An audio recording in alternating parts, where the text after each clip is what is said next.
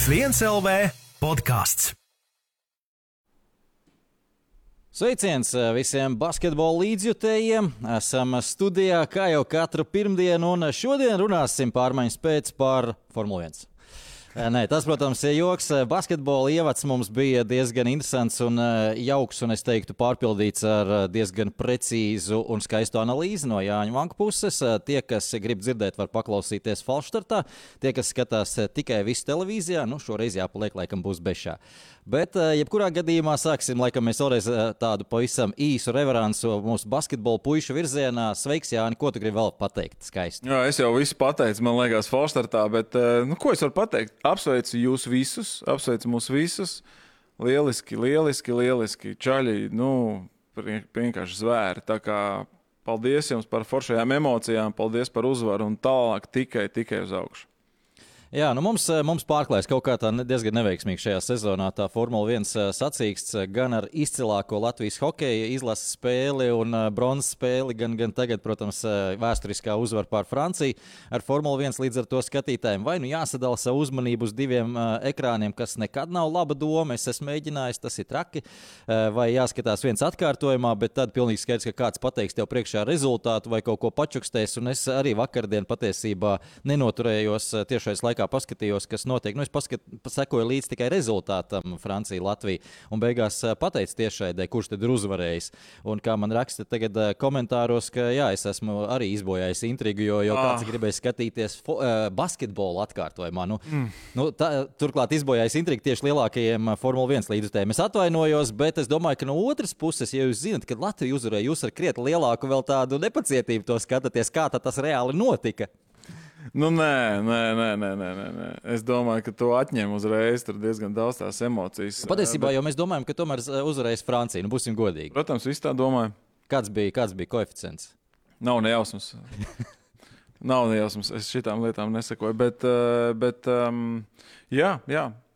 Nu, es teiktu tā, ka tas bija pārsteigums, bet tas nebija brīnums. Jā. Labi, mēs laikam, kā jūs teicat, tomēr runāsim šodien par Formuli 1. Nīderlandes lielās balss izcīņa mums atgriešanās pēc vasaras brīvdienām, pēc vasaras brīvlaika. Un es biju pārliecināts, ka par šīm trim ar pusi, gandrīz četrām nedēļām, kas mums bija pēc iepriekšējā posma, mums būs tik nenormāli daudz ko runāt, jo pavasarī būs notikušas tādas lietas, un, un, un tāds pilots nolikts un pārgājis uz citu komandu, kā, kā tas bija pagājušā gadā un arī vēl, vēl gadus iepriekš. Patiesībā šogad eh, nebija tik daudz to notikumu starp sezonā. Bija jāpieķerās visiem tiem notikumiem, kas tiešām bija tādi ievērības cienīgi, jo pārējās bija tikai tādas mērenas eh, baumas, kas Jā. pagaidām vēl nav realizējušās, tur pa līgumiem, pa visu kaut ko pārējo. Līdz ar to vairāk laika mums tomēr laika šajā podkāstā būs jāpievērš eh, tieši tam, kas notika Nīderlandē. Starp citu, vērīgākajiem. Uh Es nezinu, man tā likās, bet es pieļauju, ka tā tas arī ir. Tajā kumhoriepa reklāmā, kas mums iet pirms, pirms tā pasākuma. Jā. Tur ir viens tāds ātrs, ātrs kadrs, kur kauss ceļās augšā uz tā kā piedestāls tur ir. Un aizmugurē rakstīts cirkuit Zandvorta, man liekas. Tā kā šodien ir kā reiz, tā, kā reiz tas podkāsts, kas sakrīt. Jā. Beigās būs vēlreiz uh, Kunho reklāma. Tā kā mēs, uh, paldies ar citu mūsu atbalstītājiem. Tā jau pierreiz iesprauda ļoti veiksmīgi. Jā. Uh, bet, uh, jā, tur varētu būt jau Zandvortā mazās sērijas notikušas ir vēsturiski diezgan daudz. Uh, un uh, Kunho ir atbalstītājs, arī atbalstītājs mazajās klasēs F3 bijis ir savulaik joprojām. Uh, no tā arī, man liekas, tie video ir saglabājušies. Jā, tā kā, tā kā redzot, tā kā mums sakrīt šobrīd reklāma pat ar, ar, ar pareizo atskatu no pareizā posma. Tieši tā. Nīderlande, Reivs, Šlāgeris, kopā sajaukts lietus, mētelīši, nu, es nezinu, kas vēl, bet uz vietas arī bija latviešu līdzjutēji, un viņiem gan jau kaut kad sanāks iespēja arī paprasīt, kā tas viss izklausās, bet trīs dienas nepārtraukti caur diafragmu te vieta reivs ar nesaprotamā valodā dziedošu šlāgeri, kur visi apkārtējie tev dzied. Nu, tas varētu būt interesants pārbaudījums. Ah, Laba noskaņa jā. patiesībā. Jā, jā. Nē, nē, nu, ja tu esi Maksa Verstapena fans, tad tas ir laikam tas pasākums, uz kuru ir jābrauc. Jā. Ja tu neesi, tad varbūt tas ir tas pasākums, kas ir jāizlaiž. Jāizdomā, kur aizlaist citur. Varbūt labāk. Jā, jā, jā bet uh, malēč, nu, tas ir forši, ka tie fani un, un forši, ka viņi ir tik ļoti mm, kaislīgi fani. Un, uh, tas jau padara to visu krāsaināku un foršāku. Es tajā visā neko sliktu neredzu, kā reiz tieši otrādi. Un uh, gala beigās viņu elks un, un atsvaraugs arī nelika viņiem vilties. Ļoti, ļoti, ļoti sarežģītos uh, laikapstākļos un trases un sacensības scenārijā viņš tāpat nenolika, kā saka, nekur nepareizi kāju un, un, un izpildīja visu pa 100%. Tā kā nu, tur var tikai cepuri novilkt un, un pateikt, ka jāčāla, nu viss kārtībā. Uh, jā, nu es domāju, arī, kā, kā tu minēji, tomēr uh, tā ir katra, katras trases uh, specifika. Un, man liekas, tā atmosfēra šoreiz arī ir. Es vienkārši redzēju komentārus arī latviešu līdzekļu Twitter rakstīja, ka, nu, ka nu jau apnicis tas, tas reivs un tas, tas slāgers, cik tā var tur, tur vienā ritmā. Bet no otras puses, nu, katra, katrā posmā ir kaut kāda cita specifika, ir kaut kāda cita atmosfēra, un tev ar to ir jārēķinās, un tas ir jāpieņem. Nu, mums, mums skanētu tautu dziesmas, pieņemsim, jā, pie. pie. Diez vai drīzāk nu, labvēlīgais tips. Labvēlīgais tips, lai visi var dziedāt līdzi. Jā, nu, jā. Protams, visdrīzāk es ar to starp citu par to pašu padomāju. Bet nu, tā ir tā atmosfēra, kas, kas arī padara to unikālu. Un tu pilnīgi noteikti momentā atcerēsies, ka tas notika tur, jo tur fonā visu laiku bija tā, tā mūzika, un tas kaut kādā veidā tev arī sasaistās ar to posmu. Patīk vai nepatīk, šoreiz tam nav nozīme. Tāda vienkārši atmosfēra tur ir, un tev tā viņa jāpieņem un jāizbauda. Tieši tā, un gala beigās sacīksts jau nelika vilties. Ja? Man gan ir tā interesantā. Jūs turst. Jā, tieši tā, precīzi. Jā, sveiciens Emīlam. Uh, ir tā, ka, um, ir tā, ka man neskāpēc tā sanāca. Nu, labi, es atzīšos arī ēterā, jo es teicu, ka es arī formulu skatījos. Es Falštatās teicu, ka es skatījos formulu tomēr atkārtojumā, jo, jo baigi, baigi gribējās to basketbolu redzēt. Un, uh, un jāsaka tā, ka parasti, es nezinu kāpēc, bet es nezinu, vai man to vajag tagad turpmāk darīt vai kā, bet parasti, tā, kad es atkārtojumā skatos sacensības formulē, tādu citu iemeslu dēļ nav svarīgi. Parasti ir sarkanie karogi. Parasti atkārtojumā man ir tā ekskluzīvā iespēja pusstundu patīt uz priekšu un nesēdēt, negaidīt brīnumu. Man kaut kā nenormāli veicās uz šo ģēlu. Un, un šoreiz bija tieši tas pats variants. Bija jau diezgan vēls vakarā, man vēl bija mājas darbi, visādi jāizdara. Un tas mierīgi varēja kāds minūtes 20. sarkanā karoga zonā patīt uz priekšu un, un, un negaidīt. Ja? Tā kā nezinu, vai man to turpināt, vai labāk nevajag. Es, es pat nezinu, kā ir labāk. Jā, nu, ko mēs no tā uzzinājām? Mēs uzzinājām, ka Jānis pilda mājas darbus. Es, jā, protams, jā. Nu, tad, kad tev ir saimniecība mājās, tad ir jādara lietas. Oi, oi, oi. Mums vēl arī no pagājušās trešdienas vēl viens suns mājā, un ar to vēl jāņemās. Jā. Labi. Uh, mums šoreiz tā, tā kārtība tam visam būs uh, tāda, ka mēs apskatīsim, nu, pa pilotiem visiem, protams, nekad mums nav laika iziet cauri, bet apmēram pastīsimies, kā veicās šajā nedēļas nogalē un ko tas nozīmē varbūt tālāk uz sezonu, kam tas ir svarīgi, kam nē. Uh, Uh, bet uh, tādu kopējo bildi es vakar, vakarā arī vēlas bija mēģinājis savilkt kopā, un tās stratēģijas ir tik ļoti saraustītas ar tiem diviem lietus periodiem. Tur to kopējo bildi iz, uh, izšķetināt ir pagrūti, bet katrā ziņā tādas tendences tur ļoti labi parādās, kura komanda apjūg uh, un burtiski sastingst, respektīvi apjukšanas formas un veidi arī ir dažādi. Tu vari apjukt un sākt panikā kaut ko darīt, vai tu vari apjukt un vienkārši neko nedarīt. Mm -hmm. Un tad, kurā gadījumā tas izbrauc, izbrauc ar kaut kādu rezultātu. Kā, tas arī bija Jā. interesanti redzēt. Bet par stratēģijām uh, bija labs jautājums arī uh, Twitterī no, no viena skatītāja. Tad, kur bija tā labākā stratēģija patiesībā sacīkstē? Un, un tas ir interesanti. Tā labākā stratēģija nenozīmē būt trasē tajā brīdī ar pašām atbilstošākajām riepām. Jo, jo to arī bija, bija dzirdēju, ka skatījās, nu, cik grūti ir izvēlēties pareizās riepas, pareiziem apstākļiem. Nu, tā redz, kāda apstākļa tā lietas tās riepas. Ja? Bet patiesībā nu, tas jau nav tik, tik lineāri taisni. Tikpat labi tu divus sapļus esi ar uh, slikiem, slapjā trasē, un tā ir labākā stratēģija. Tas nenozīmē, ka tev vajag tajā brīdī tās, tās, tās riepas, jo tas tur zaudēs 20 sekundes boxos. Tas nav nav tik lineāri, tā teiks, tieši tā. tā nav, nav, un arī Maksam Verstapenam, nu, viņi jau arī pir, uz to pirmo lietu neiesauc uzreiz pirmajā aplī iekšā, ja, un uh, likās, ai, ai, ai, kas nu būs, bet, nu, īstenībā. Tas bija pilota lēmums. Jā, bet tā, tur ir tas lēmums, un tas bija pareizs tajā brīdī lēmums, jo patiesībā tā, ka pilnīgi visi metās tajos boxos iekšā, tur arī bardaks beigās ir, un tad tev tur vēl arī nevar palaist ārā, jo tur mašīnas brauc garām un tā tālāk. Un, un patiesībā reizēm, nu, Tur arī tāda loterija, protams, bet var, um, var būt gadīties visādi. Ja? Un tad, ja tu nākamajā aplī iebrauc un tu jūs esat tikai trīs vai četri, nu, tad tev ir tīrāks pitstops. Nu, jā, tu esi pazaudējis varbūt kaut ko trasē, ja tos pēdējos līkumus jau mokodamies, bet, mocīdamies, bet nu, tomēr. Patiesībā pirmajā aplī neiebrauc tik daudz pilotu boxos, nemaz pat ļoti maz iebrauc boxos, ja salīdzinām. Nu. Jo ļoti, pirmkārt, nu tad, ļoti labi mēs arī piegājām stratēģijai, jo patiesībā ideālā stratēģija pilnīgi noteikti bija boxa apmeklējums pirmajā aplī, ko izvēlējās. To Peres, jā, to, jā. to, to, tur viņš ir daudz ieguvējis. Un to izvēlējās pats Peres. Viss cieņa Peresam. Ja nu kādreiz jāpaslavē Peres, tad par šo bija, tas bija viņa lēmums. Un šeit arī ir vēl viens moments. Viņš to izdomāja pēdējā sektora pašās beigās. Pateica komandai, es braucu boxos. Un Maks Verstapens vēlāk atskaņoja arī viņa sarunu. Viņš nolēma braukt vēl vienu ap, ka vēl nav tik traki. Es braucu vēl vienu. Viss skaisti, labi ok, tur maksam arī neko pārmest nevaram. Bet šeit atcerieties, kas notika. Peres iebrauc boxos, uzliek riepas, aizbrauc. Uh, tieši tas pats bija arī ar Šarlu Klēru. Viņš teica komandai, es braucu boxos, un es skatījos speciāli atpakaļ, kur viņš to izdarīja. Tas nebija vēlāk par Peresu. Okay. Un viņš teica, es braucu boxos, un komanda nebija gatava viņu. Vispār ne. Stiepu un... kaut kur no kaut kāda kabūzīša, bļāviens, riepas kaut kur jo, ieslēgts, kad tas šķūnieks. Jā, nu viena it kā tāda objektīvā lieta bija tā, ka teorētiski varbūt viņi bija gaidījuši saincu, jo saints tajā brīdī bija prioritārs. Teorētiski, ja, un varbūt tās riepas bija līdz pusē atnesuši saincam, kurš pateica, ka arī nē.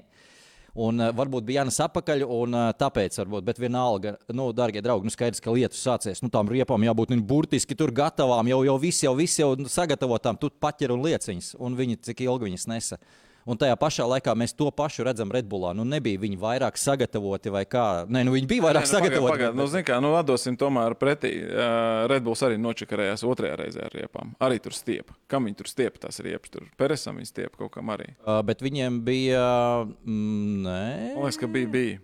Otrajā reizē Peresam. Nu, man liekas, ka kaut kur ātrāk, es skatījos, ka beigās, beigās bija arī atkārtojums kaut kāds. Tas bija Vēnu Peresam. Man liekas, ka Peresam tas bija, ka viņi arī stiepa riepas un nebija gatavs. Vai, tu, vai tu Peresam bija lēns boks apmeklējums? Mm, man liekas, ka jā. Bet labi, lai man pār, nu, es nepretendēju taisnību, bet es atceros, ka es vēl nodomāju, tā, kad rādīju tos kadrus, es nodomāju, o, oh, tomēr jā.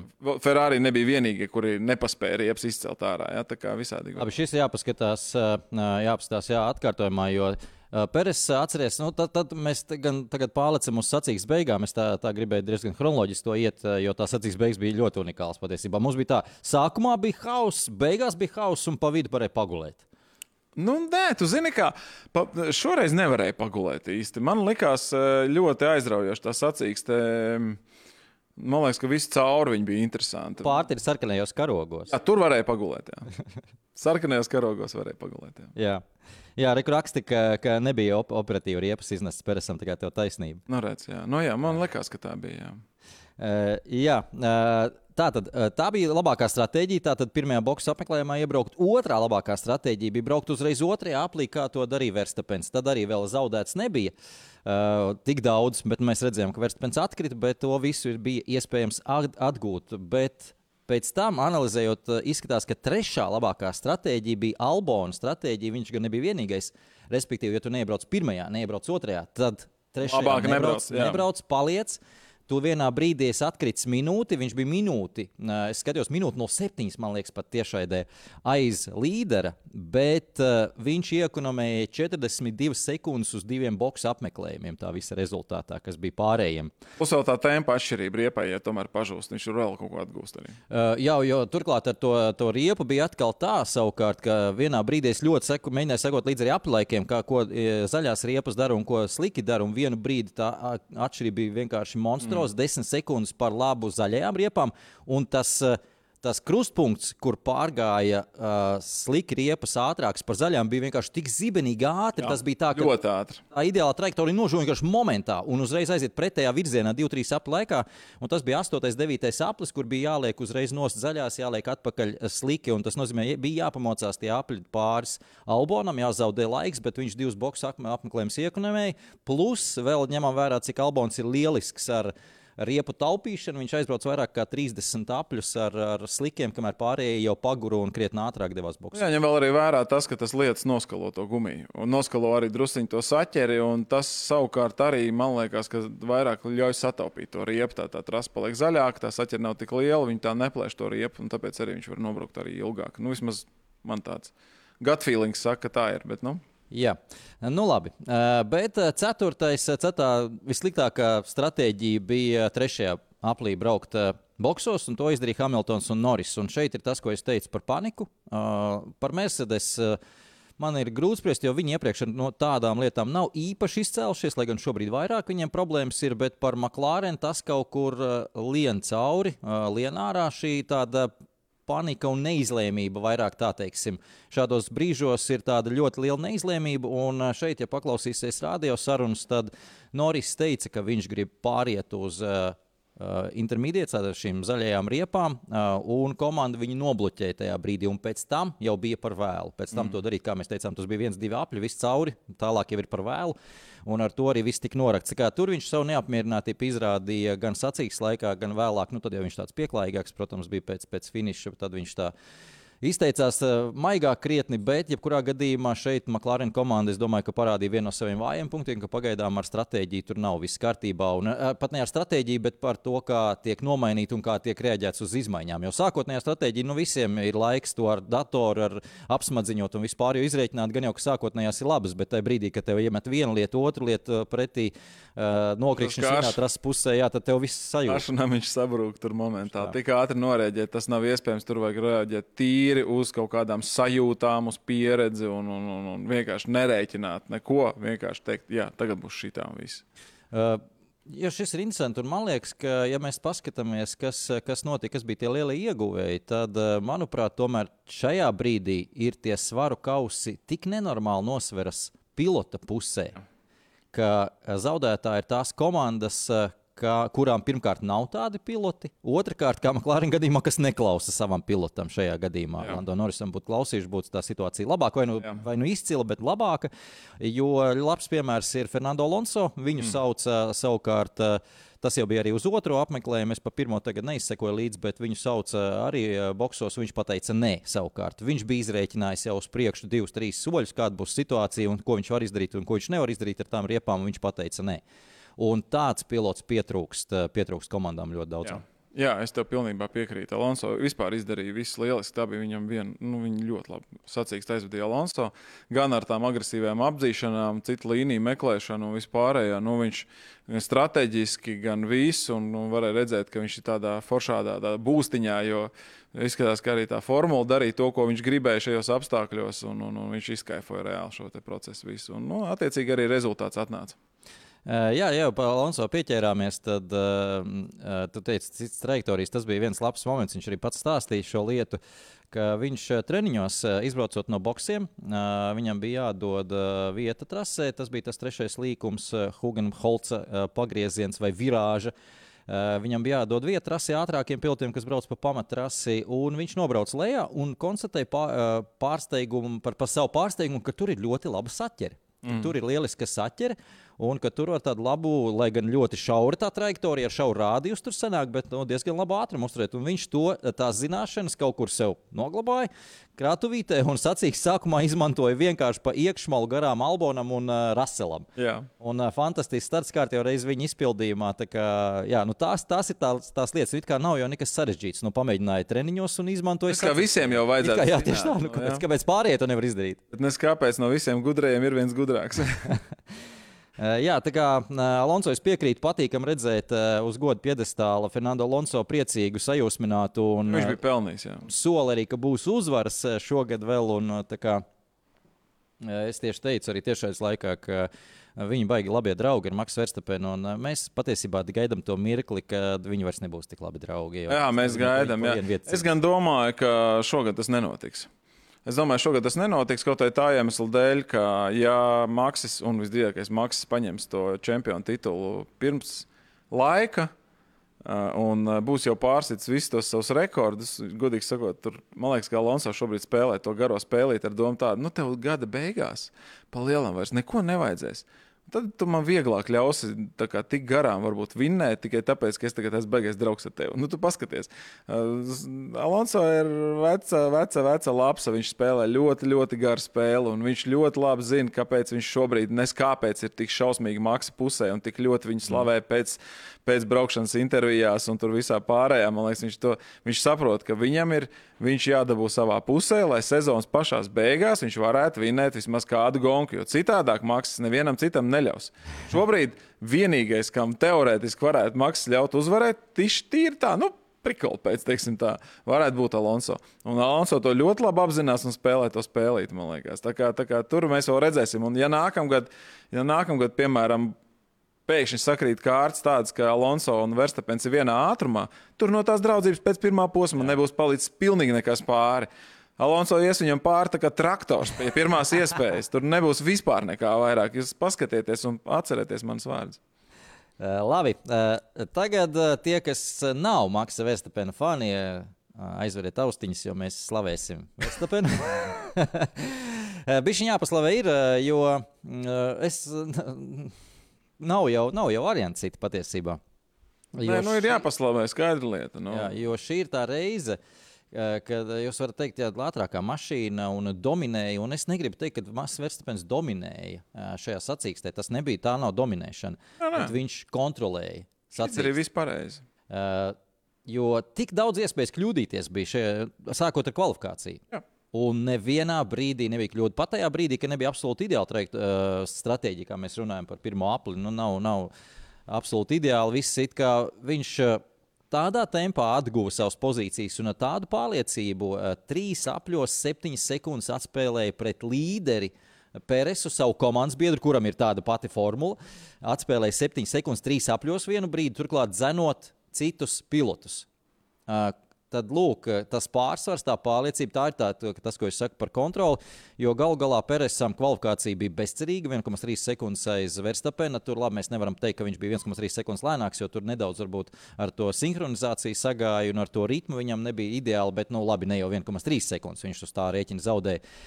Sacīkstē viņš izvirzās vadībā, turklāt pārliecinošā vadībā, ja nemaldos, bija 17 sekundes starp viņu un Verstapenu tajā brīdī, kad, kad tas viss notika. Daudz. Daudz bija. bija daudz, nu, tas jā. ir tā, tā iedod tādu pārsvaru tev un teorētiski, nu, ja tev ir tas, tas nu, tev. Tev vienāda tehnika, nu, tev vajadzētu vienkārši turēt. Nu. Vajadzētu noturēt. Nu, kaut kā, ja tu pat ja tu atstāji tur, nezinu, vienu desmitaļu pa labu Verstapenam, iedomājies, cik viņam ir jāšancē, lai līdz tevim tiktu. Ja? Uh, nu, tur es domāju, ka pēc pāris apļiem nebija nekāda jautājuma par to, vai noķers vai nenoķers, un apdzīs vai neapdzīs. Uh, un uh, šis, šis ir diezgan interesants gadījums. Tā kā, uh, Tas ir akmens noteikti Pēras dārziņā. Es nevaru viņu saukt absolūti par uzvarētāju šajā sacīkstē. Nu, ja mēs liekam tā uzvarētāju un zaudētāju šajā sacīkstē, tad es teiktu, ka viņš ir viens no zaudētājiem šajā sacīkstē. Viņš arī zaudēja gal galā godpiedstāvā pozīciju. Tā gan bija viņa paša problēma, jo pirmkārt viņš aizbrauca starta finiša taisnē pat taisno, kur zaudēja daudz laika un palaida priekšā Alonso. Uh, otrakārt, viņš ielika bortā, braucot iekšā boxos. Treškārt, sanerozējās un pārsniedza ātrumu boxu celiņā, par ko nu nav variantu. Tur momentā ir sots. Tur ir uh, viena lieta. Es nezinu, vai tu to teici ēterā vai neteici ēterā, bet um, ir viena ļoti būtiska nianse. Uh, kāpēc slapjā, sausā, jauktajā, jauktā laika trasē, palabojieties, ne, ja es saku nepareizi, bet man liekas, ka ir tāda nianse viena. Uh, ka slapjā un sausā laika trasē ir vieglāk nokļūdīties ar šo atļautu ātrumu pitboxā. Tāpēc, ka slapjā un sausā uh, riepa ir bijusi citā diametrā. Viņai ir protektors, nu, tā kā nu, sanāk, un attiecīgi tad, uh, tas. Uh, Nu, spidometrs, nosacīts spidometrs rāda nepareizi, un viņiem ir speciāls uh, pēc tā podziņa, uh, Vai nu, viņi var pieregulēt, ar kādu riepu viņi brauc boxā Jā. iekšā, lai dabūtu to maksimālo atļautu ātrumu. Un tā ir tā lieta, kāpēc viņi biežāk kļūdās, ir tas, ka viņi vienkārši aizmirst ieslēgt. Un tas ir tas, tas, ir tas gadījums, kas aizmirst ieslēgt, jo, jā. jo sacīkšu inženieris par šo atgādina pilotam. Okay, jā. šo atgādina. Es esmu dzirdējis, ka ir atgādina. Es nezinu, tagad vai konkrēti Persam tika atgādināts. Uh, bet, uh, sacīt... Tas ir tas iemesls, teiksim, tā skatītājiem, kuriem to nezina, tās nianses. Tas ir tas iemesls, kāpēc šādos jauktos laikapstākļos visbiežāk notiek, nu, biežāk notiek nekā normālā gadījumā šie ātruma pārkāpumi pitlīnijā. Jā, pitlīnija turklāt bija 60 km/h šajā, šajā Jā. posmā. Uh, lēnā pitlīnija, jo ļoti šauri, ārkārtīgi šauri boxi te ir. Turklāt pat uz šo sezonu tika pa, pagarināts atstatums starp boxiem par 1,5 metriem. Pagājušajā gadā bija vēl trakāk, un atcerieties, tur arī bija diezgan liels problēmas iegriezt, izgriezt bez Jā. incidentiem. Tā ir viena no lietām, kāpēc arī komandas vairās braukt tajos boxos, jo tur būs liela panika. Un, nu, McLaren vismaz tā skaidroja, ka jā, nu, mēs, mēs nolaidām Luni teorētiskā stratēģija, bet tā bija viena no lietām. Mēs pēc iespējas mazāk gribējām panikas brīdī doties boxos jo tur ir ļoti liela iespējamība aizķerties. Starp citu, Liems Losons, par kur mēs vēl runāsim, viņš arī saņēma sodu kur īsti pat vaino, vainīgs nebija, jo Alfa Tauri uztaisīja tā saucamo double stack, ja piesauc abus divus boxos, viņam bija jāgaida, viņš vienkārši bija nobloķējis otru boxu izbraukšanas iespēju Okay. brīdi aizmugurē. Un, un tā ir tā lieta, kur, jā, ja visi iebrauc un ja visi gribēs di divatā, tur nu, tas vienkārši nav iespējams. Pat, Nu, jā, protams. Nīderlandē Zanvorts trasē šajā. Tā kā nu, par Peresu vēl parunājot, tad bija arī daudz jautājumu par to, ka, kas tad notiks ar Peresu. Jo Helmuts Marko pirms sacīks teica, ka Peresam arī ir jāstrādā un rezultāti jārāda, ja viņš grib noturēties komandā uz nākamo gadu. Nu, kā jau Helmuts Marko, viņš jau pēc vārda kabatā nemeklē, bet kas pats interesantākais, tad pēc kvalifikācijas un pēc sacīkstes gan Marko, gan jo īpaši Kristians Horners teica, ka pilnīgi noteikti 24. gadā Peres brauks Jā, komandā. jā, es ar to dzirdēju. Jā. Tā kā tas eh, šeit tāds, tāds, tādi dažādi signāli, un es gribētu pat ticēt vairāk Helmutam Markotam pirmajam, pirmajai lietai, jo viņš parasti cenšas ar žurnālistiem būt ļoti godīgs. Viņam ir tā lieta, ka viņš, es, es, es stāvu pāri šīm visām mārketinga BS, man, man tas nav jāņem vērā, es varu teikt, ko es gribu. Jā. Un tad viņam tomēr izskaidro, ka varbūt šobrīd tā nevajadzētu darīt. Nu, tad, tad jā, viņš pēc tam var būt kaut kā nedaudz mierīgāk, bet uh, tā, man tāds sajūta, ka pirmajā brīdī viņš uz emocijām tomēr pasaka to taisnību. Tā kā varbūt tur, tur ir kāda taisnība, ka Pēters arī gluži droši nav tajā komandā jo- joprojām uz nākamo. Nē, nu, šobrīd Pēters situācija glābj tikai pārliecinošā Verstapēna uzstāšanās. Pilnīgi noteikti. Verstapēns viens pats ir uh, faktiski vinnējis gan konstruktoru kausu, gan arī čempionātu. Līdz ar to Pētersam nav vispār nekādas spiediena izņemot pašam uz sevi, lai neizskatītos pēc muļķa. Bet, diemžēl, viņš netiek galā. Diemžēl viņš izskatās pēc muļķa. Tā, diemžēl, ir. Jā. E, jā, e, Kaut gan uh, Toto Vovs esot teicis, ka viņam tomēr liekas aizdomīgi. Viņš, viņš tā arī pateica, ka viņš saka, ka nu, Pēters jau nav, nav idiots. Kaut kas tur ir baigi aizdomīgs, kāpēc viņš ir tik ļoti lēnāks par, par, par Verstapenu. Nu, jo speciālistiem te ir iespēja pa, pa, pavāvaļot. domāju, ka Wolfs vienmēr iemetīs tur kādu, kādu sērkociņu tajā. tajā. Protams, loģiski. Uh, Es domāju, ka šeit ir arī viena lieta, to arī, tas arī bija tāds, tāds liels jautājums, kur te ir tās lielās problēmas. Peres nedaudz jau par to patiesībā stāstīja sezonas uh, pirmajā daļā. Un, uh, šeit tā lieta, ka Zanvārtā tas viss pastiprinās, proti, runa par uh, jauno Red Bull. Nu, jauno, cik no jauno šī gada. Visi viņi brauc ar jauno priekšējo balstiekārtu, kas ir tā, tā, tā viena no iemesliem, kāpēc vispār strādā tā formula tik efektīvi ar tā saucamo antidaivu sistēmu. Eh, Ko tā sistēma ir panākusi? Eh, Tā sistēma panākusi, ka no pilota viedokļa eh, ir grūti just priekšējo bremžu darbību, cik ļoti uz pedāli tā atsaucas, cik ļoti jo pilotam ir. Uh, spiežot, nu, jābūt kaut kādai korelācijai starp to, cik spēcīgi spiež un cik labi tā mašīna reaģē. Un tā, tā reakcija līdz ar to antidaivu sistēmu priekšējā, uz priekšējo asi nestrādā tik adekvāti kā iepriekš, varbūt pierasts vai tik loģiski vai tik lineāri. Tā tālāk tā joprojām, un Verstapens ar to ir apradis nu, faktiski zibenīgi. Un par to teica Peres jau sezonas sākumā, un slapjās sacīkstēs tas viss pastiprinās ļoti, ļoti, jo tur ir cita saķere. Cita saķere, tātad zemāks saķeres koeficients, tev iet cauri visai, caur riepām, iziet cauri, cauri visu priekšējo riteņa asi, un pilots to visu izjūt, un tad vēl pieliek klāt, ka bremzes ir neadekvāti strādā uz priekšu riteņa asi, un nu skaidrs, ka tur var apjukt cilvēks. Un apjūgt tā, kad zaudē 1,3 sekundes. Tā ir nu, līdz ar to šajā, šādos gadījumos uh, viss karājas tajā diedziņā, kas saucās uh, ticība saviem spēkiem. Jo, ja tu nevari līdz galam kaut ko sarast ar mašīnu, bet tu zini, ka viņi to izdarīs, tad tev ir jābūt tai pārliecībai, ka, ja viņi to neizdarīs, ka tu spēsi viņu nokontrolēt un, un, un tomēr izbraukt un neizlidot kaut kur ārā. Un tā ir tīri pārliecība, pašpārliecinātība par sevi, par, spē, par savām spējām, kuras noteikti ir daudz par daudz maksim, un visdrīzāk es krietni pietrūkšu šobrīd Peresam. Un tas ir tas brīdis, kāpēc arī kas, kas, kas, kas izšķir uh, maksu no pārējiem. Uh, jā, nu, un uh, ļoti labi tagad uh, tieši pateicis par to pārliecību, jo, manuprāt, nākamais, par ko mēs runāsim, ir tas cilvēks, tas pilots, kuram tā pārliecība ir. To viņš pats teica vairāk kārt, un es runāju par Aleksu Albonu. Uh, jo ļoti liela jautājuma bija, kāpēc, uh, kāpēc Viljams pēkšņi ir ātri trasē, kas ir trešā visvairāk uh, pēc piespiedēja spēka ziņā intensīvākā trase aiz uh, Monako un uh, Ungārijas, kur tīri teorētiski Viljams vajadzēja būt pilnīgā Jā, mm -hmm. pēcpusē. Un, uh, viņi būs pilnīgi noteikti ātri Monsā. Un tad uh, tas skaidrojums, pirmkārt, pirmkārt uh, Džeims Vols sākotnēji teica, ka viņi paši īsti nevar atrast to skaidrojumu vismaz datos, uh, kur ir, tā, uh, kur ir tas iegūms. Bet, kā teica Aleks Albons, tā vienīgā lieta, ko mašīna šobrīd uh, dod jau kopš piekdienas treniņiem, ir tas, ka viņam ir milzīga pārliecība par to, ko to varēs izdarīt. Tas piespiedēs spēka līmenis joprojām ir salīdzinoši zems Viljams. Tas ir prognozējams. mainījies. Jā, bet no pilota viedokļa viņš ir tik ļoti kontrolējams, tik ļoti iegrožots, tik ļoti paklausīgs eh, sauciet kā gribat, ka pilots, nu vismaz Albona gadījumā, adaptēties. Jā, viņš var darīt visu, un viņš zina, ko tā mašīna darīs, un pati viņam kaut ko metīs, viņš to nokontrolēs, to, to, to, to kūleni. Tā, kā, tā ir tā lieta, kas turklāt vēl slapjā trasē dod nenormāli daudz sekundes, jo, ja pilotam ir pārliecība, tas, tas ko tu teici, tieši tāpēc. Tā nav pārsteiguma. Jā, tieši tā. Un tur arī izaug tas, tas Albons pārsvars, un Albons šobrīd eh, nes eh, visas Viljams eh, punktus, un Albons nopelnīt cik tagad četrus punktus vēl klāt, laikam sanāk. Ir pacēlis pārliecinošā septītā pozīcija. Albons vienatnē ir pārspējis Hāz, Alfa Romeo un Alfa Tauri. Jā. Vienatnē. Jā, un Monsā viņš būs uz piedestāla super, būtu super. Eh, es, es pat. Eh, es pat neteiktu, nē. ne? Tiešām. Eh, un šeit uzreiz līdz ar to parunāsim pavisam īsi arī par Loganu Sāržanu. Daudz jau mēs neesam par viņu runājuši. Divas avārijas šajā nedēļas nogalē. Pirmā kvalifikācijā, pēc tam, kad viņš iekļuva trešajā kvalifikācijas kārtā, kas labākais sasniegums viņam. Un, super, vislieliski, bet pēc tam uzreiz avārija un avārija arī sacīkstē. Pats gan viņš teica, ka ir kaut kas salūzis formulā. Ņemsim.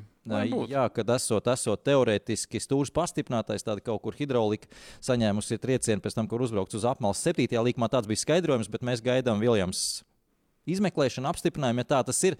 Ok, kaut kāds attaisnojums ir Loganam Sāržantam, vai ar to pietiks, tas ir jautājums, jo, manuprāt, Logans Sāržants ir viens no tiem vai nākamais uz to, ka varētu izlidot pēc šīs sezonas, viens no debitantiem šobrīd uz to iet, ka viņš tiek vērtēts atlikušajā sezonas daļā. Un šeit ir tie posmi, kas viņam palikuši, lai sev parādītu. Divas lietas. Pirmā lieta. Viljams nedara labu sāžantam ar to, ka tā formula paliek ātrāka. Līdz ar to, jo ātrāk tā būs, jo iekārojamāk šī vieta tajā blakus albonam būs šajā komandā, jo mazāks iespējas viņam palikt. Tas ir viens. Otrs, un galvenais, ko es jau vakar skatoties, gribēju šeit pateikt. Bija arī Twitterī jautājums, kāpēc Sāržants sarkanā karoga laikā neaizved uz boxiem atpakaļ. Viņš pats negribēja. Jā, un te man tas ir, kā, es, Logan, uh, es saprotu, ka tu esi redzējis uh, foršās mēmes ar Alonso atpūtas krēslā, sēžot un tā tālāk, bet tu nevelc to līmeni. Tāpēc vienkārši sēdēt, skatīties, tāpēc, lai tiktu mēmēs, uh, nebūs. Jā, ok. Es pat to nebiju iedomājies par mēmēm. Es, uh, nē, es domāju, ka viņš vienkārši negrib uh, tur pagaidām atpakaļ. Un, ne, nu, es, arī... es vēlu visiem labu. Man nav nekādas pretenzijas pēc sāžanta, bet viņš nevelk. Nu, jā, Albons ir super labs, un mēs zinām, tāpēc, ka viņš ir bijis labs vienmēr. Viņam tur, viņi tur izčakarēja Redbullā un bla, bla, bla. Skaidrs, viss kārtībā, bet viņš ir, viņš ir no šīs zelta jaunatnes, viņš ir viens no tādiem ātrākajiem pilotiem. Nu, tas ir skaidrs. Sāžantam ir tikpat sarežģīts faktiski uzdevums pa lielam, nu, ja tā var salīdzināt, kā Peresam, ja, piemēram. Bet, jebkurā gadījumā, tā vieta paliek aizvien interesantāka. Tā, tas Jā. komandas vadītājs ir superīgs.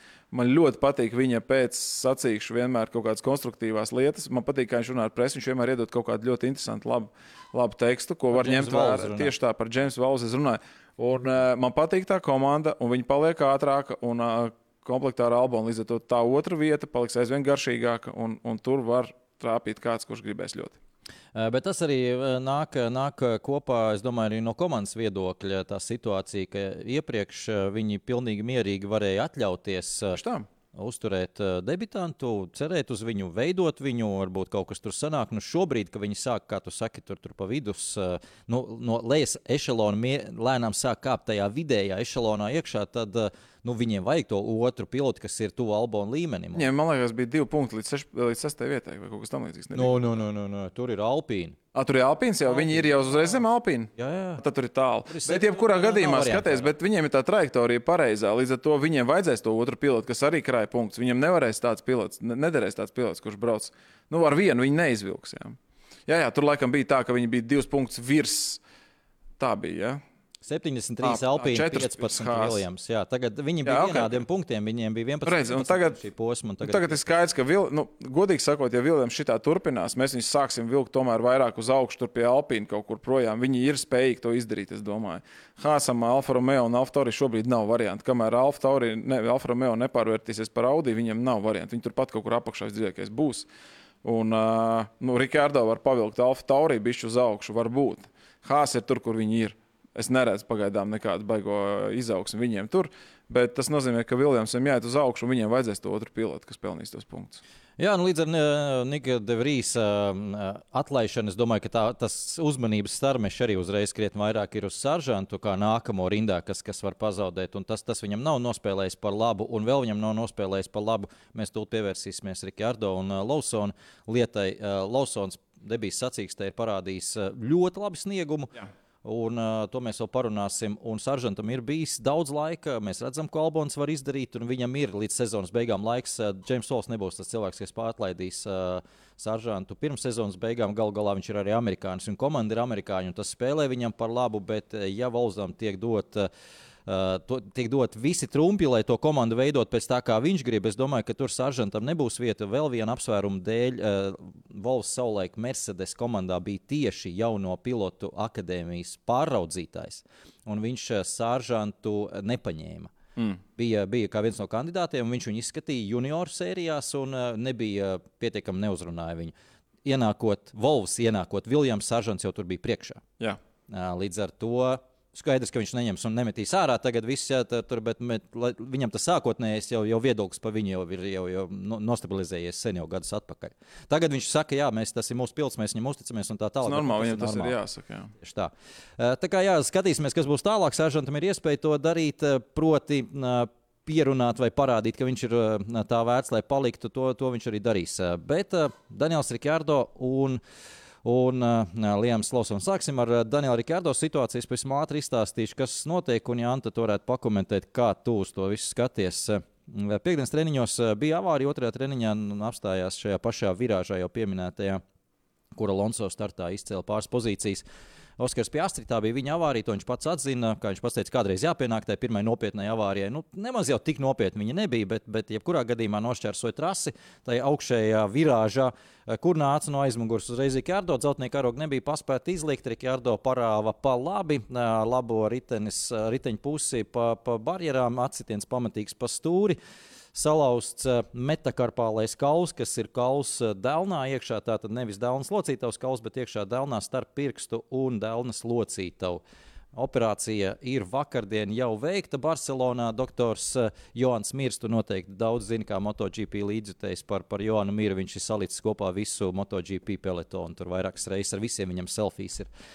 Tur uh, Lans Stroll arī ārstējis. Un uh, ir ielikts iekšā titāna, titāna skava, uh, saskavojas to, to kaulu, kā, kā pats teica Daniels Rikārdo. Beidzot, man arī ir uh, metāls kaut kur ķermenī. Jā, jā. To viņš bija sajūsmā. Un, uh, nu, šobrīd, jā, atveseļ, atve- atveseļošanās process sācies, un būs vēl viena operācija. Protams, ka būs jāņem ārā tās kaut, kaut kad. Jā, nu žēl, žēl tiešām, jo Rikārdo bija tādā foršā trajektorijā un um, kaut kā tas pacēlums tajā komandai un visam tur, tur, tur, tur notika. Bet, nu, kā ir, tā ir. Uh, un uh, no šādām lietām, diemžēl, neviens nav pasargāts. Un, nu, vai tas apdraud kaut kādā veidā Rikārdo kaut kādu tālāko nākotni? Jā. Es domāju, ka drīzāk nē, nekā jā, jo tomēr viņš parādīja, ka viņš ir spējīgs un ir labs. Un, un, un, um, es domāju, ka tas tikai nu, drusciņi paildzinās šo te, uh, atgriešanos, ja tā var teikt. Uh, Tad paildzinās, bet, bet viņam nav par ko baigi uztraukties. Ja mēs runājam, nu, līdz ar to tur nav baigi, kur aizķerties, tur ilgi runāt par Rikārdo. īsti nav. Nu, tā, pēc, pēc, pēc manām domām, tur nekas baigi nemainīsies. Vienkārši viņš atvesļosies, nāks atpakaļ un gāzīs tālāk. Tur ne, nu, nav nekāda baigā stresa šajā jautājumā. Tas, ka visi zina, kas ir Rikārdo. Savukārt Losonam, protams, šī bija ļoti laba lieta. Jo, nu, jāsaka tā, ka viens ir, viens ir um, saulainā Monsā ar ātrāko mašīnu taisnē, kā tam, kas bija Nikam Devrī debija, uh, kur ir uh, vienkārša trase, salīdzinoši vienkārši DRS apdzīšanas, noperformēt kaut cik labi. Otrs ir uh, ar lēnāko formulu, faktiski trasē nobraukt sacīksti, sarežģītā, mm, ļoti ar kāpumiem, kritumiem un ar, līkumiem profilētiem trasē, kā amerikāņu kalniņos, gandrīz vai kur ir divas reizes lietus sesijas, atkārtotie brau, eh, restarti braucošie un sarkanā karoga laiks un vispārējais. Un tur nenokļūdīties ar vienu treniņu sesiju un kvali. Nu, es teiktu, godīgi, cepurnost. Un, un ar to pašu formulu un noda kļūdījās. Izlidoja, pabrauc pa oļiem, iebrauc apakaļ. Un beig beigās pat ir finišējis aiz. Tad ņem sodu. Jā, sodu par, Jā. par avāriju ar uh, Raselu. Jā un, uh, nu, godīgi sakot, nu, šis ir tāds labs pārbaudījums, tāds kārtīgs pārbaudījums, un viņš viņu izturēja. Tā kā tur jāsaka, nu, cepurnost. Jā, viņam, uh, Lausonam, es domāju, tagad pārlecot uz Lausonu, ir uh, bijusi karjera iepriekš tāda, ka tajās uh, zemākajās sacīkšu sērijās, kur viņš uh, debitē, faktiski gandrīz vienmēr sāk ar uzvaru. Ļoti daudz tādu ir, sākot, beidzot, pareizāk sakot, kaut vai ar šī gada superformulu čempionātu. Uh, Tad vēl pirms tam DTM viņš startēja, kur patiesībā es jau to vairāk kārt stāstīju. Viņam bija jākļūst par čempionu. Mm. Uh, Maksimilians Gots, uh, kurš kļuva par čempionu tajā gadā, nu, vienkārši brutāli pēdējā posmā izsita ārā. Es nesaprotu, kā, kā tā drīkst. Tā Kā, nu, tas, to visi teica, ka tas nav normāli, ka tā, tā, tā nedrīkst būt. Uh, DTM, starp citu, viņš Aleks Albonu izbāza kā savu komandas biedru diezgan pārliecinoši. Mm. Uh, savulaik viņš Cunodu pārspēja Eiroformula čempionātā arī kā savu komandas biedru. Tā kā viņš ir pietiekami labs. Tas, kas viņa, kāpēc mēs par viņu neesam vairāk runājuši un bļāvuši un dziedājuši, ir viņa pēdējie soļi Formulā 2 bija ļoti bāli. Un, uh, nezinu, kāds tam ir izskaidrojums, godīgi, bet uh, tad viņš bija arī kopā ar Juriju Vipu. Un šeit ir vēl viena lieta, jā, par ko mēs varam visi paraudāt spilvenā, ka, ka teorētiski hierarhijā Jurija Vips bija virs viņa vēl pagājušā gadā, pirms, pirms tām visām ne, nedēļām.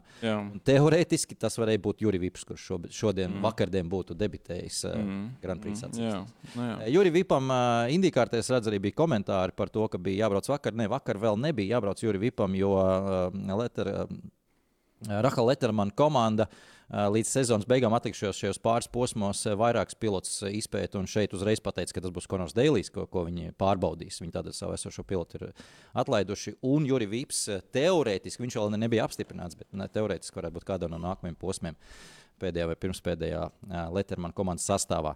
Tā kā skatīsimies, varbūt būs karjera tur viņam, bet jā, par, par Lausonu es teiktu, ka milzīgus plusus viņš pie savu uzvārdu ir. Uh, dabūjis, nu, nav tā, ka super, super, viss, protams, varēja būt punktos, tad būtu vispār izcili, jo šī ir tā sacīkste, kur ir mežonīgs hauss, nu, tā ir tā sacīkste, kur mazajām komandām ir jāņem tie punkti. Un, ja mēs paskatāmies top desmitniekā no Zanvortas, nu, tad mazās, sacīks, mazās komandas nav punktos. Mēs šoreiz varam teikt, ka Ferrari ir tā mazā komanda, kas iebrauc punktos, jo viņi izskatījās tik bēdīgi, godīgi Jā. sakot.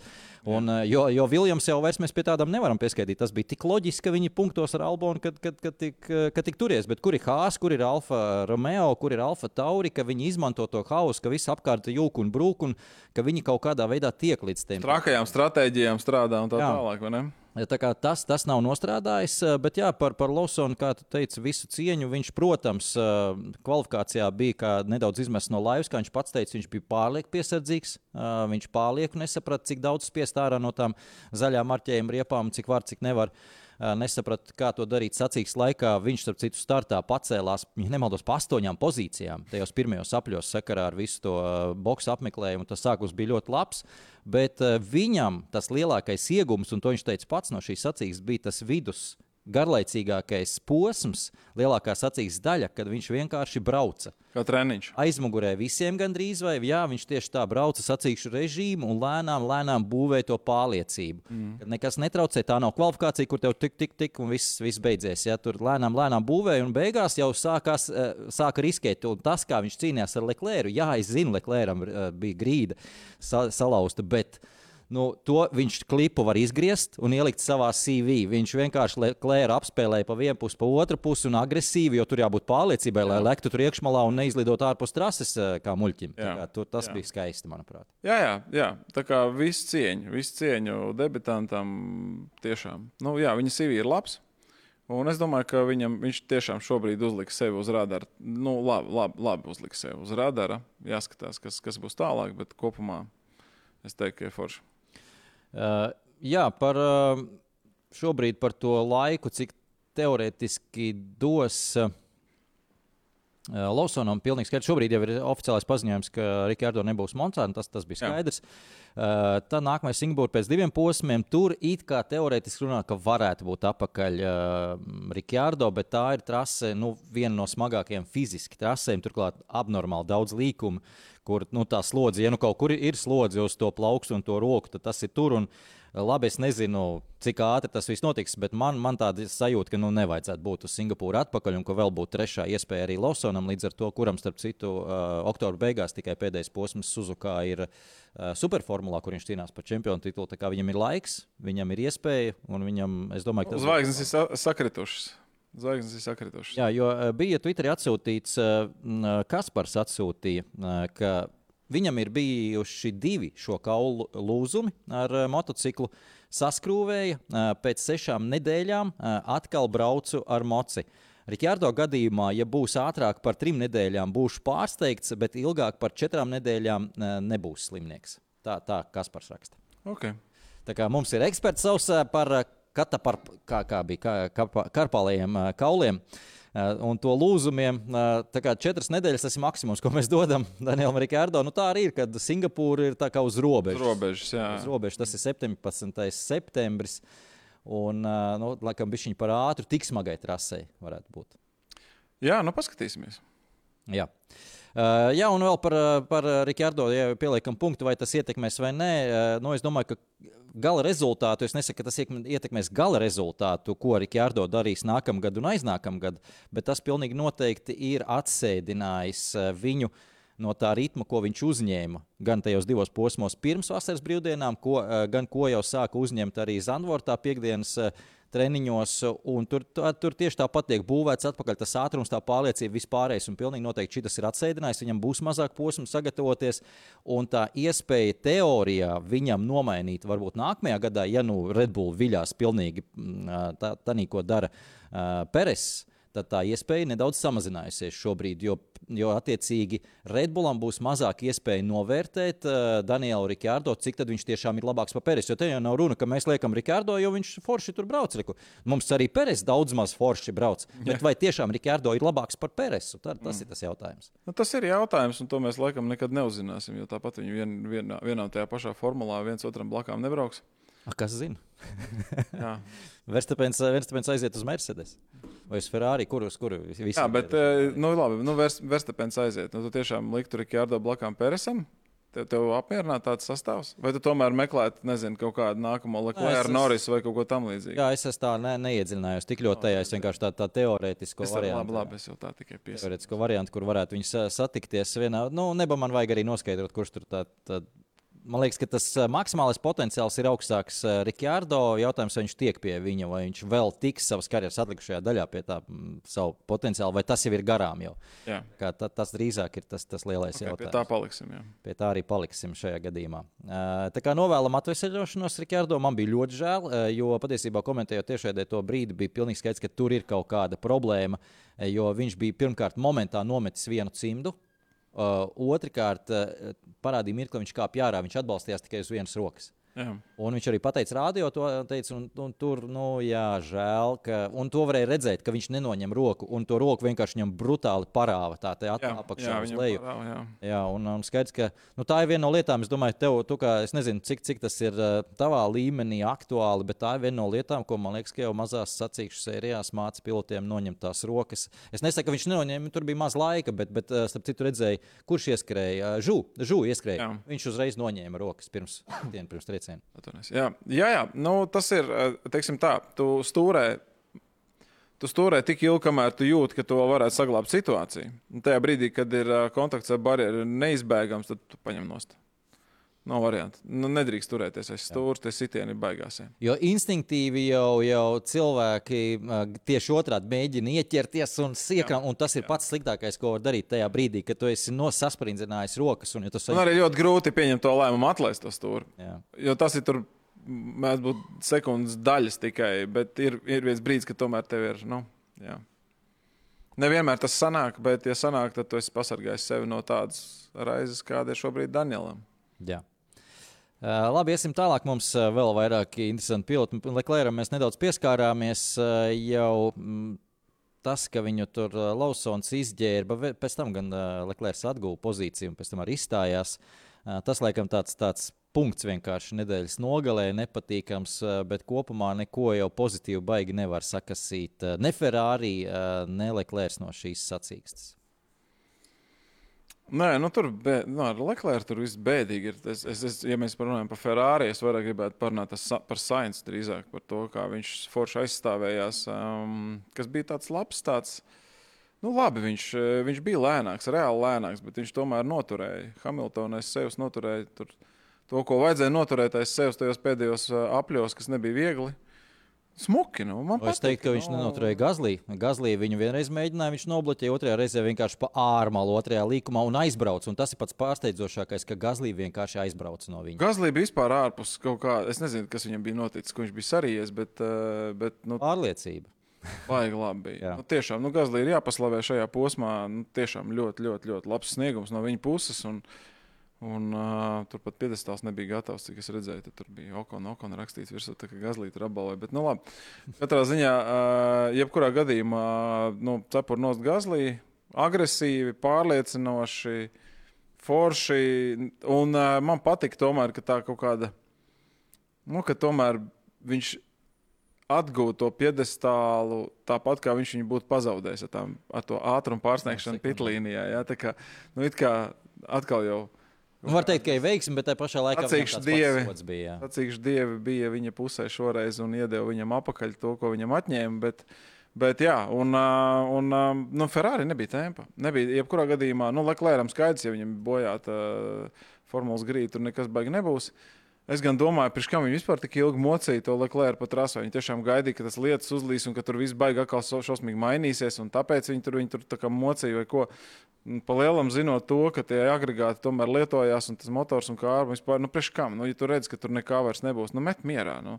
Nu, nav variantu vienkārši vairāk. Pēc tam tur dedzināt vēl to degvielu un, un, un, un, un, un nu, tos ņemt no kilometrus motoram un ātrumkārbēm visam pārējiem. Ja? Bet nu, varbūt, ka tie mainīgie, lai- nu, tas vienīgais mans attaisnojums bija tāds, ka nu, varbūt viņi gaida, ka būs kaut kādi baigie tur, beigās avārijas, tas šitais lietas, vēl kaut kas tur nigu ņēgu, un tad tur beigās viņš tur var kaut kur tur izlīst. Ja? Bet, nu, kopumā jau bija skaidrs, ka drīzāk vajag mest mierā. Ja? Jā, eh, piekrītu. Eh, Par Gazlī vēl. Mm, eh, Gazlī interesanti vispār. Viņš ir startējis mums kādās komandās. Tātad Toro Rosso viņš tur ir izcīnījis godpiedestālu. Viņš ir eh, startējis ar uh, Alfa Tauri. Nu, mm -hmm. Teorētiski jā, izcīnījis godpiedestālu ar Alpīnu. Izcīnījis godpiedestālu. Viņš startējis ar Red Bull. Un tur viņš nav izcīnījis godpiedestālu. Tā kā mazo komandu, video komandu speciālists, tādās viņš jūtas krietni labāk. Un es domāju, ka tagad arī visa Alpīna komanda kļū- kļū- jūtas krietni labāk. Jo tas, kas notika pirms vasaras brīvdienām ar Alpīnu, nu, faktiski tur publiski izvarota, tā tika no visām pusēm. Tas, tas, man liekas, ka ļoti nosit jebkādu motivāciju darbiniekiem strādāt tieši, es domāju, tajā video un zemākajā līmenī. Nu, vadošajiem darbiniekiem tur cits, cits tās, tās filozofija jābūvē un vispārējais tad, um, ilgtermiņa plāni jābūvē, bet uh, tie, kas strādā dienu dienā, Uh, bet šis noteikti iedos tādu pozitīvu lādiņu, bet kopumā par to komandu, jā, tur var, es domāju, ka tur var uzrakstīt nu, reiz grāmatu par to, kā nevajadzētu jaukties uh, lielām kompānijām. Un ne jau tikai Renault ar to grēkoja, ar to grēkojuši daudz, arī iepriekš citas kompānijas nevajadzētu jaukties sacīkšu lietās iekšā. Jo pilnīgi skaidrs, ka viņi nesaprot, ka tas nav tāds bizness, kā, kā, tā, pie kā jūs esat pieraduši. Tas bizness tā nestrādā. Šis bizness tā nestrādā. Te ir pavisam cits, cits uh, ilgtermiņa plāns, un ja jūs gribat uzvaras, tā, tad, nu, tad šogad sagatavojamies, nākamajā gadā uzvaram. Nu, tā tas nenotiek. Jo tas, ko šobrīd uh, uzskatāms piemērs, ap citu, tas, ko šobrīd dara Ferrari un uh, Frederiks Vasūrs, es gan nezinu, cik viņam iedots ir tas uzticības kredīts, bet pēc tā, kā viņš šobrīd strādā, tad komanda iegūs tos pareizos cilvēkus uz 24. un 25. gadu, tikai iegūs cilvēkus pareizajās pozīcijās, tātad pēc diviem gadiem. Tad viņu ietekme vēl aizies divus, trīs, četrus gadus uz priekšu tādā ciklā. Nu, tad rēķiniet, cik ilgi Ferrari faniem vēl būs jāmokās. Jā, jā. Nu, labi, un ko tad tu tagad nedarīsi to? Nē, nē, nedarīs. Nu, bet, bet kāpēc, kāpēc likt uzreiz vilkt eh, krustu pāri un mest tos cilvēkus? Tas cilvēks, kas ir iesācis to darbu, nu, ja tu viņu noraus, tas nozīmē, norauj stop krānu, mēs sākam no jauna, sākam no nulles. Nu, tu jau neap, nepātrini procesu, tu to procesu apstādini. Tātad viens solis uz priekšu, divi atpakaļ tajā brīdī. Nu, kā, bet tas ir tie, tie smagie menedžmenta lēmumi, kas ir jāpieņem. No attiecīgi, vai tu noraugi varbūt tiešām podā tur divas, divas sezonas, bet tu zini, ka pēc tam varbūt būs labāk, vai tu arī moki vienu to pašu, kas nu, ir kaut kur, kaut kur ir, bet ne tur, kur tu gribētu, lai ir. Nu, nu, jo ir arī pozitīvais piemērs McLaren, McLaren gadījumā. Jā, nu, jā, bet tāda nav daudz. Tāda nav daudz. Un tur, un tur nav runa par to, ka lielā kompānija ir iejauksies. Jo šeit jau lielā kompānija iejaucās, kas visu, visu augšu vienkārši galvas, viss nocērt un sākam no jauna. Mēs ieliksim tagad savus cilvēkus tur iekšā. Vēl jau nekas nav noticis. Bet, nu labi, redzēsim, kā, kā Alpīna situācija attīstās. Ir, ir laiks viņiem šogad varbūt sakārtot, vismaz, lai uz nākamo sezonu sāktu, sāktu krietni solidāk, tādā ziņā, ka vismaz komandas struktūra ir sakārtot. Tas, ka rezultāti. Nu, formula tādā ziņā ir labā. Nu, Formula 1 komandas ir druskuļi savādākā, tādā privileģētākā stāvoklī nekā jebkurš cits varbūt biznesa modelis kā tāds. Jo, Um, nu, jaunie inženieri arī, vai nu, tas, tas darba tirgus, tas, kas tur ir un tās pozīcijas, kas tajās Formule 1 komandās, tur tomēr ir visa pasaule. Uh, kas interesējās par to un meklē darbu, grib trāpīt tajās komandās iekšā. Līdz ar to faktiski pat, ja tajā menedžmenta galgalī ir bardaks, tie cilvēki, kas ir savā vietā un viņiem turpina maksāt algu, viņi tāpat, es nedomāju, ka viņiem tā motivācija baigi kaut kur trūkst, jo viņi dara to darbu, varbūt, ko viņi gribējuši visu savu dzīvi, ja? vai arī taisa veidot to savu karjeru pa tām kāpnēm. Tas ir drusku savādāk. Tas nav tā, ka tā ir kārtējā, tur nezinu, maizes ceptuve. Ja? Tas ir tā, ir Formulas 1 komanda, un tādas ir tikai desmit. Un, ja tu gribi viņā strādāt, tad tev ir jābūt pietiekami motivētam, lai kas notiktu arī tur augšā. Ja? Tāpēc, tāpēc es domāju, ka tad, tad druskuļi ir savādāk tā situācija, jebkurā gadījumā. Jā, šajā ziņā bija ļoti interesants James Valls komentārs, ka viņi varbūt nenodarbosies kā citas daudzas komandas tik ļoti ar esošo darbinieku nolikšanu no citām komandām. Nu, tad, respektīvi, jau vienkārši ņem un, kā viņš teica, recycling Jā. darbiniekus, respektīvi, ņem no citām komandām, pievilina pie sevis. Bet mēģinās talantu pasmelties pilnīgi no citām jomām, pat ne no motorsporta, arī no motorsporta citām kategorijām, kā viņš minēja, tur Vets un Formula 2. Bet ir doma no aeronautikas un aviācijas departamentiem pasmelties talantus, kas ir tātad ar aerodinamikas zināšanām, lielām, dziļām, bet kas nav strādājuši Formulā 1 un vispār motorsportā, bet viņiem varbūt līdz ar to nav salauzts, kā viņš teica, salauzts prāts uz to, ka viss ir jāstrādā tā, kā tam ir jāstrādā. Varbūt jānāk ar svaigām idejām, pilnīgi savādāk jāsāk domāt šis, šī lieta. Būs, protams, tur kaut kādas veids, kas jāpielāgojas tiem cilvēkiem, bet, bet varbūt šis būs interesanti. Kāpēc ne? Jā. Uh, labi, vēl pavisam ātri par Mercedes. Uh, mums jāparunā pēdējās minūtes. Uh, Rasels. Uh, kvalifikācijā beidzot pārliecinoši priekšā Hamiltonam. Tas ilgi mums šogad bija jāgaida, godīgi sakot, Hamiltons paslīdēja, bet, nu, labi, viņš tur kvalifikācijā saķērās ar Cunodu, viens otram tur parādiņu atdeva, bet no otras puses nebija jau arī tik ātrs tas Hamiltons, lai viņš varētu teikt, ka viņam bija milzīgs ātrums, viņš bija uz pirmo rindu gājumu un viņam Cunodu viss izbojāja. Nu, tā, tā, jā. Tā gluži arī nebija. Bet Leclerc, Raselam ātrums bija kvalifikācijā, un viņš bija ļoti sašuts par sacīkstu sākuma stratēģiju. Komanda šo stratēģiju viņam uzspieda šoreiz. Tā bija kļūda, vēlāk to atzina arī komanda, bet tas, kā uz to reaģēja arī Rasels, atcerieties, ko viņš teica par radio. Uh, Un viņam arī atbilde nebija par to, ka, uh, draugi, es gāju uz piedestālu, un kur es esmu tagad. Viņš tobrīd bija vienā no pēdējām pozīcijām, vai bija pašā pēdējā, vai nu, otrais no beigām, vai kaut kā tam līdzīga. Un uh, nespēja noslēpt savu sašutumu par to visu un novilkt to uz komandu. Un skaidrs, ka nu, šobrīd jau visi zina, ka tās radiosarunas aiziet publiski, un pat ne publiski televīzijā, bet publiski pat visā trasē skaļruņi aiziet. Jā. Mm. aiziet. Tā kā nu, šobrīd ar to jau sāk spēlēties, man liekas, arī piloti. Nu, protams, ka spēlējās. Pilots darīs visu iespējamo, lai, lai gūtu kaut kādu labumu sev. Bet, um, Vai arī parādīt, ka viņš nav tas vainīgais, kāpēc ir viss slikts rezultāts. Tas ir, tas ir normāli. Ir jau speciāli pat tāds joks par to, cik ļoti sacīkšu pilotiem ir daudz. Uh, prātā daudz attaisnojumu, kāpēc viņš nav bijis labāks nekā, nekā viņam vajadzēja būt. Tas ir normāli tikai, nu, bet Toto Vovs jau pats atzina, ka viņi sačakarēja to stratēģiju pilnībā. Jā, Uh, jā, nu un uh, Rasels uh, gala rezultātā tika pie jaunas stratēģijas. Vienā brīdī arī ļoti labs progress no pašām beigām, pēc tam saķeršanās viņām ar Cunodu un uh, Lando Norisu, un otrā sadursme ar Norisu arī pielika punktu. Un, uh, nācās izstāties tā visa rezultātā. Nu, šeit tā viena lieta, ko es visvairāk gribu pajautāt tev šoreiz, un tas ne tikai uz Mercedes attiecas, bet uz Mercedes visvairāk, arī uz McLaren, tā skaitā, bet es domāju, ka uz vēl kādām komandām. Kas notiek ar viņu meteorologu departamentu? Jo šī nav ne pirmā, ne otrā, ne trešā reize šajā sezonā. Šogad ir ļoti daudz lietus sacīkšu vai lietus kvalifikāciju. Ne, kad šī nebija devītā gonka pēc kārtas, kur Lietas kaut kur jā, weekendā, jā, weekendā ir bijis. Devītā pēc kārtas. Tā kā regulāri mums ir, un regulāri uh, es saprotu, ka tā zinātne ir nedaudz fluīda. Jā, tur noteikti ir kaut kādas iespējas, bet Tik ļoti atšķirīgas ir eh, šīs prognozes. Katra komanda izmanto savu. Tātad, sākotnēji, tur ilgu laiku, starp citu, agrāk bija arī viens Meteo Frans, bija tas, kas piedāvāja tādu visām komandām. Viņam bija viens eh, radars, tas oficiālais joprojām viens, bet komandām nav nekas liekts izmantot savu vietējo zinātāju guru, nezinu, kas tur kalnā sēž un burās un to lietu dzen un, eh, un, un ziņo viņiem. Nu, bet vienalga tās prognozes tik atšķirīgas un visas nepareizas. Tur pārsvarā pēc piecām minūtēm lietas nekādas lietas neatnāk. Tur. Jā, jā, jā jā, lietas būs pirmajā. Tur, nu, tas ir traki. Es vairs pilnīgi neticu tam visam, jo sākotnēji tu pieķēries pie katras tās ziņas, un, un, un kur tad ir tas lietas? Nu, tā kā cigļi, cigļi. Nu, bija jābūt jau tagad, nu, patās. Jā. Tā, kā, nu, tā ir tā lieta, un Mercedes bija šķērsām prognozes par to, cik intensīvs būs lietus sākotnējā frāze, fāzē. Viņi arī paļāvās uz to, ka tas būs tik ļoti īss un tāds īslaicīgs, un tik ļoti nesaslapinās tas, ka mēs izturēsim, izcietīsim, sakodīsim zobus un izbrauksim ar mīksto sastāvu. Jā, un tajā pašā laikā Redbullā saka, ugh, nāk virsū rītīgais, tūlīt būs baigais gāziens. Ja? Interesanti, vai paši komandas arī viens uz otru skatās, un uh, ko viņiem rekušiem ziņo, kad vai, vai sāk spēlēties viens ar otru. Nav nejausmas, gan jau, ka pēc pirmās iespējas kāds kaut ko noteikti kādam sačakarēs. Bet... Ar to es gribēju teikt, ka mācieties par meteorologiem, par labiem meteorologiem. Varbūt tiksiet Formula 1. Man tāds sajūta, ka tur būs tagad daudz atlaistu meteorologu un gribēs nolikt veselu rindu jaunus. Bet ar to mums arī jābeidz. Pūkstens ir 12. Es redzu jau sekundes pār 12. Paldies, ka skatījāties. Kārtējā pirmdienā mēs esam atgriežies ar jaunu enerģiju pēc vasaras brīvdienām, un nākamais posms jau pēc piecām dienām sāksies treniņš, četrām dienām patiesībā.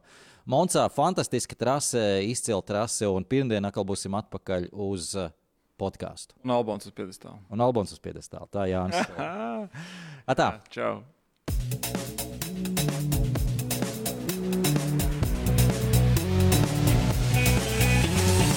F1 LV podkāsts.